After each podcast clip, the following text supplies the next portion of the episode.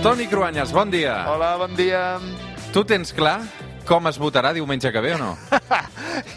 Em fas unes preguntes difícils, eh? Però, a veure, està clar que és el tema de la setmana, eh? I, i més enllà pel que sembla que pot ser a Catalunya, i també se n'està parlant tant en el conjunt d'Espanya.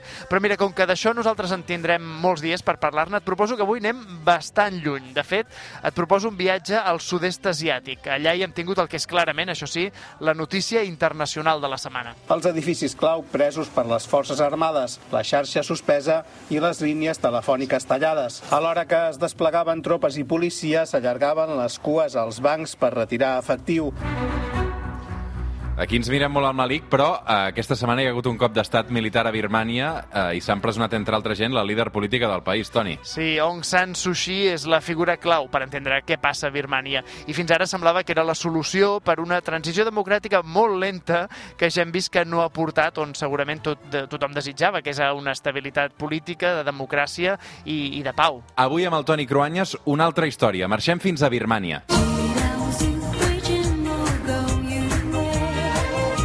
A veure, per entendre el que està passant a Birmània, eh, Toni, remuntem-nos una mica al passat. Fes-nos 5 cèntims de la història d'aquest país que eh, és plena d'embolics, no? Sí, tant Birmània com també Tailàndia, Vietnam, Cambodja, de fet, a veure, només cal que ho situem en el mapa. Estan just entre dos grans imperis i cultures, la Xina d'una banda i l'Índia de l'altra, i la complexitat de les seves realitats, amb moltes ètnies i religions dividides, ho converteix en gairebé un trencaclosques impossible de governar.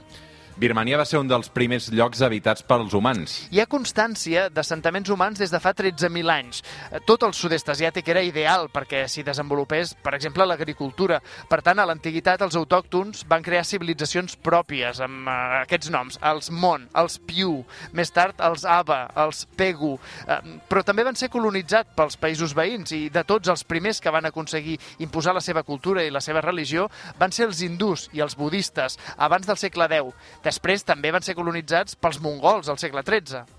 Quan penso en Birmània, jo, Toni, eh, em venen al cap la imatge dels temples budistes impressionants. La ciutat de Mandalay, que és el, el centre simbòlic i espiritual del budisme de Birmània. Sí, és clar, és que el budisme és clau per entendre el caràcter de la gent del país.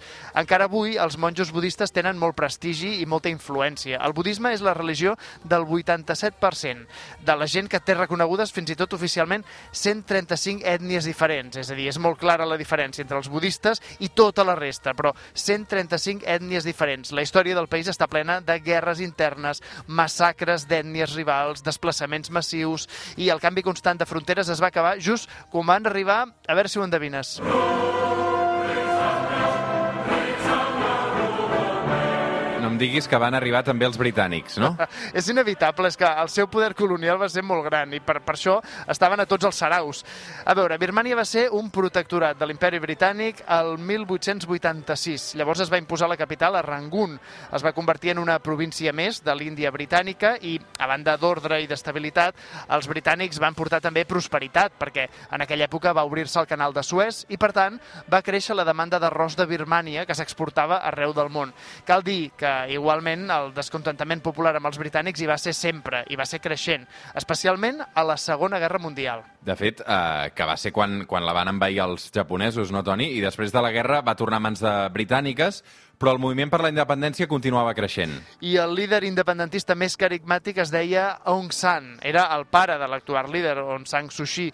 Doncs bé, va aconseguir la independència, però a Aung San el van assassinar. I des d'aleshores hi va haver un seguit de cops i contracops militars, i després també dels comunistes. Pensem que en plena Guerra Freda Birmània es va alinear amb el bloc comunista, i per les mateixes dates que va caure el mur de Berlín, també Birmània va viure protestes convulses i violentes amb uns 3.000 morts, que tot això va desembocar en unes eleccions el 1990 que llavors les va guanyar el partit liderat per Aung San Suu Kyi. How did I feel when I was actually awarded the Nobel Prize for Peace? The question has been put to me many times, and this is surely the Mira, aquí la sentim recollint el, el Premi Nobel de la Pau, una dona, Toni, que té eh, una vida precisament digna de novel·la, eh? El pare d'Aung San Suu Kyi va morir assassinat quan ella tenia tan sols dos anys.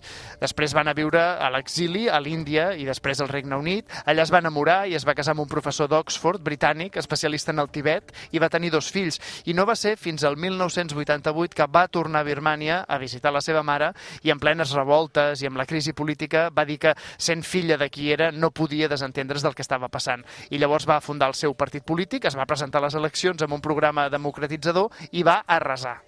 Però, però, però, la Junta Militar que governava el país no va reconèixer aquests resultats de les eleccions i la van presonar a casa seva. D'aquesta manera es va convertir en la líder silenciada d'un moviment que va donar la volta al món i l'any 91 li van concedir el Premi Nobel de la Pau. No la podia visitar pràcticament ningú, de fet, ni els seus fills ni el seu marit, que va acabar morint de càncer al Regne Unit 10 anys després sense que es poguessin veure. L'arrest domiciliari d'Aung San Suu Kyi a Rangoon duraria encara 5 anys més i després, donada la insistència dels seus seguidors que continuaven guanyant elecció rere elecció, la van deixar en llibertat. La Junta Militar va fer una Constitució a mida que prohibeix expressament ser president algú que s'hagi casat amb un estranger o que tingui fills amb nacionalitat estrangera. L'objectiu ha estat sempre vetar-la de la presidència i, de fet, amb el seu partit governant, Aung San Suu Kyi era, fins la setmana passada, consellera d'Estat, mentre que la presidència l'ocupava un col·laborador del seu partit. Això, eh, en una democràcia tutelada molt de prop per l'exèrcit, Toni. Els militars es reserven una part de la representació al Congrés i, els i alguns dels ministeris clau, com per exemple el de Defensa o el control de fronteres. Un control militar estricte que s'ha demostrat amb el cop d'estat que ha suposat la detenció una altra vegada d'Aung San Suu Kyi i l'exèrcit eh, no ha deixat demanar a Birmània, de fet, durant tots aquests anys. Més de 700.000 rohingyas van fugir cap a Bangladesh per allunyar-se de la violència després de dècades de discriminació. Una dona que té moltes llums, però també algunes ombres, com per exemple la mort i l'expulsió de milers de rohingyas de Birmània, fins i tot es pot parlar de genocidi aquí, eh? La reputació d'Aung San Suu Kyi ha quedat totalment destrossada per la complicitat en la persecució d'aquesta ètnia musulmana. El, el 2017, més de 700.000 rohingyas van marxar a Bangladesh, fugint de la persecució i la mort en un atac sistemàtic de l'exèrcit de Birmània. Es calcula que hi ha uns 10.000 morts i Aung San Suu Kyi no només no ho va denunciar, sinó que es va prestar a ser la cara del règim birmà per defensar-ho davant de l'opinió pública occidental i davant de l'ONU, que està jutjant aquest cas. El seu argument va ser negar els morts i defensar que els atacs van ser pocs i, i només contra acusats de terrorisme.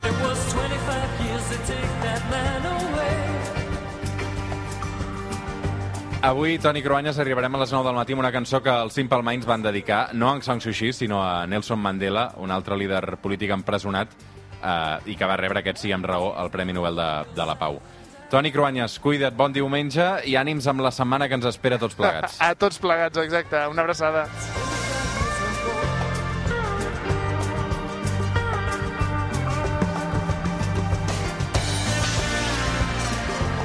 El suplement. Ràdio amb esperit de cap de setmana. Amb Roger Escapa.